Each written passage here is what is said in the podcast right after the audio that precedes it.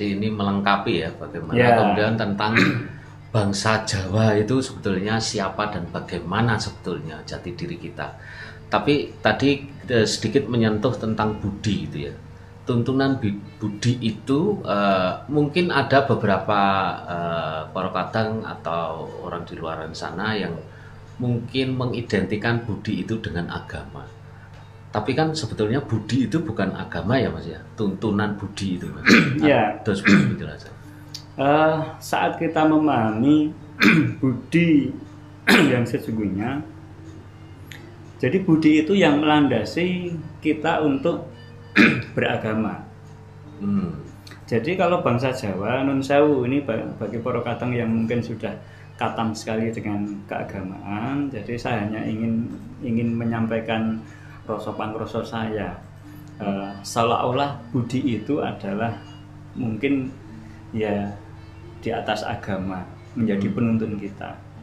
Itu terbukti saat zaman dahulu bangsa Jawa itu belum ada kedatangan tamu agama dari bangsa lain. Bangsa Jawa itu sudah mengenali Gusti secara eh, sendiri dengan caranya sendiri. Maka di sinilah eh, orang Jawa dulu itu eh, menggunakan budi sebagai alat komunikasi dengan Gusti. Jadi belum ada pengaruh, belum ada tuntunan-tuntunan, belum ada kitab-kitab yang di apa miliki bangsa Jawa masa lalu.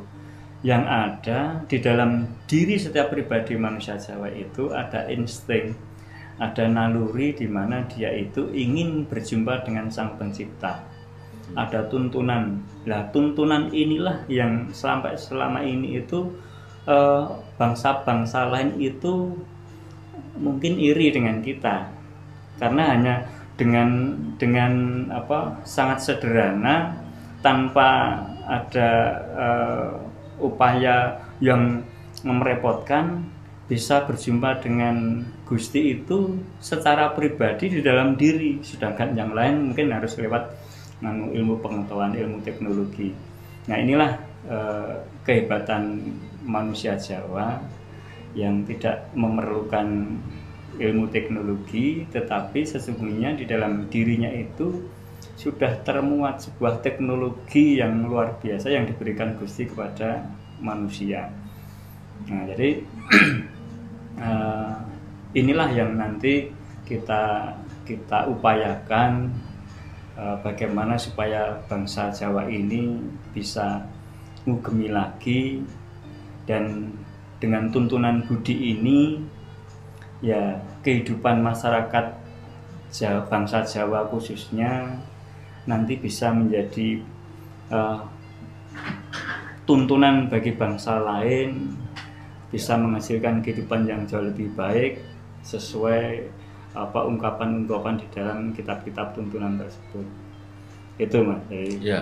ya pelan-pelan mas ya Oh ya, artinya baik. untuk sampai ke sana tidak usah ke susu ya. Oke.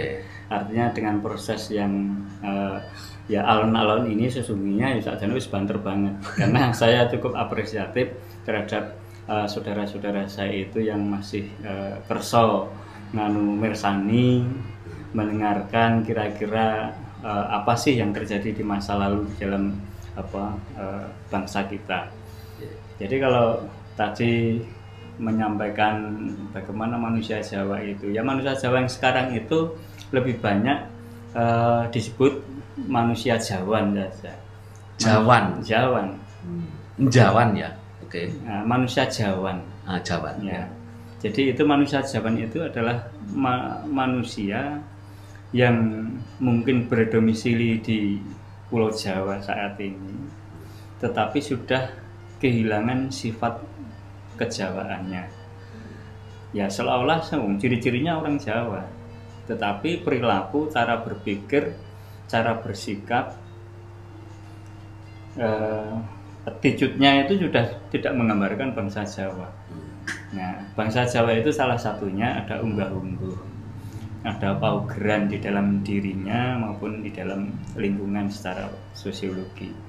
Nah, inilah yang yang eh, diresahkan para pebunden, yang diresahkan para leluhur kita, yang merindukan kita ini uh, menjadi manusia-manusia yang dipenuhi dengan rahmat uh, budi yang baik walaupun kita hidup di tengah zaman modern seperti ini tetapi jangan sampai meninggalkan kejawaan karena kejawaan inilah yang nanti menjadi tuntunan kita di mana nanti kalau ini bisa dijalankan ya bangsa Jawa ini bisa menjadi mercusuarnya dunia bangsa-bangsa lain belajar mudiroso di bangsa Jawa belajar unggah-ungguh nah, belajar tepo seliro dan lain-lain seperti itu. Bang ini kan kalau di kejadian nyata kan sudah banyak. Bahwa uh, bangsa asing itu sudah mulai belajar kebudayaan kita belajar seni-seni yang uh, berasal dari kita. Lah ini bagian yang menjadi kebanggaan kita. Uh, ternyata bangsalan itu lebih menilai mempunyai uh, sesuatu yang sangat istimewa sehingga mereka yang mungkin bangsanya secara fisik sudah lebih jauh melewati kita majunya luar biasa toh akhirnya mereka belajar secara rohani terhadap bangsa Jawa. Nah sementara kita sebagai orang Jawa sendiri juga pelongo-pelongo artinya mereka hanya kita belum saja mereka kok sibuk datang ke Indonesia belajar karawitan belajar nembang, belajar berbahasa Jawa, belajar nari, ya, ya, nari lah. Kita tuh cuma heran, terheran untuk apa gitu loh. Hmm. Kok lucu lah, mereka itu mau dikembangkan di negaranya sana supaya negaranya sana itu mempunyai uh, karakter seperti bangsa Jawa masa lalu kita. Sedangkan kita malah gumun orang orang turis ke sini, oh, atau atau main belajar karawitan, gitu loh. Yeah. Ya bagi kita mungkin loh uh, bangsa sekarang terutama mungkin ya saya generasi muda ya mungkin cuek-cuek saja. Artinya sama sekali tidak tertarik dengan hal-hal seperti itu. Tapi bagi mereka, bagi orang-orang asing sana itu ada sesuatu yang istimewa di uh, Jawa ini di mana mereka itu mempelajari dari sejarah-sejarah yang pernah mereka pelajari maupun yang pernah mereka dengar sehingga oh ini ini ada bangsa yang di daerah sana itu yang mempunyai keistimewaan hmm. ya sampai-sampai misalnya non saya saya ber berbicara nganu ini rojo tidak fokus misalnya kita berbicara nganu lah superhero saja lah hmm. nah tokoh-tokoh Marvel yang ada di film itu kan semuanya kan tokoh-tokoh popunden kita hmm. yang bisa terbang yang bisa seluk bumi hmm. yang itu kan no, popunden kita itu dulu sudah bisa seperti itu tanpa teknologi. Enggak ya. tanpa di tubuhnya itu banyak kabelnya. Nah, itu sudah bisa.